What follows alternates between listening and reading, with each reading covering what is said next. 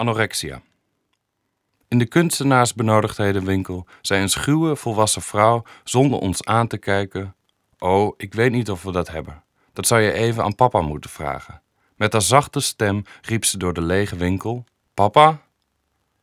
De vrouw had het lichaam van een kind en het was direct zichtbaar dat ze aan anorexia leed. Een vriendelijke oude man schuifelde vanuit het magazijn de winkel in. Maar hij kon ons helaas ook niet helpen. Buiten zei mijn geliefde: Ik kwam hier laatst en toen was die dochter er niet. Ik was bang dat ze in het ziekenhuis lag of dood was.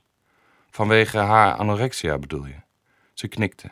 Ze heeft zo'n lieve vader. Hoe kan zoiets toch ontstaan?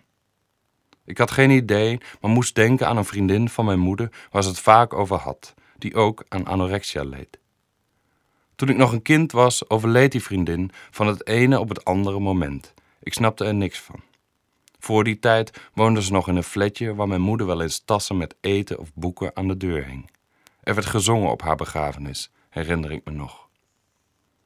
Tot op de dag van vandaag neemt mijn moeder het me kwalijk dat ik op het strand ooit een rugzak ben verloren die deze vriendin met de hand voor mij had gemaakt.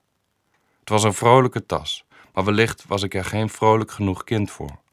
Ik wilde liever niet opvallen. Ik kan me ook voorstellen dat ik de tas bewust heb begraven in het zand om geen aandacht meer te trekken. Onvermijdelijk opvallen, maar tegelijk ongezien willen blijven, is een conflictueus huwelijk. Als je in een winkel werkt, word je gezien. Maar de vrouw leek niets liever te willen dan onzichtbaar zijn. Je kunt de ander niet redden, maar op zijn minst een tijdje in de gaten houden. Misschien nam de vader zijn dochter in dienst om haar in de gaten te kunnen houden. Ik hoop dat haar vader zou overleven. Maar de dag dat ze vervolgens helemaal alleen in de winkel zou moeten staan, leek me eigenlijk een nog veel onverdraaglijker gedachte.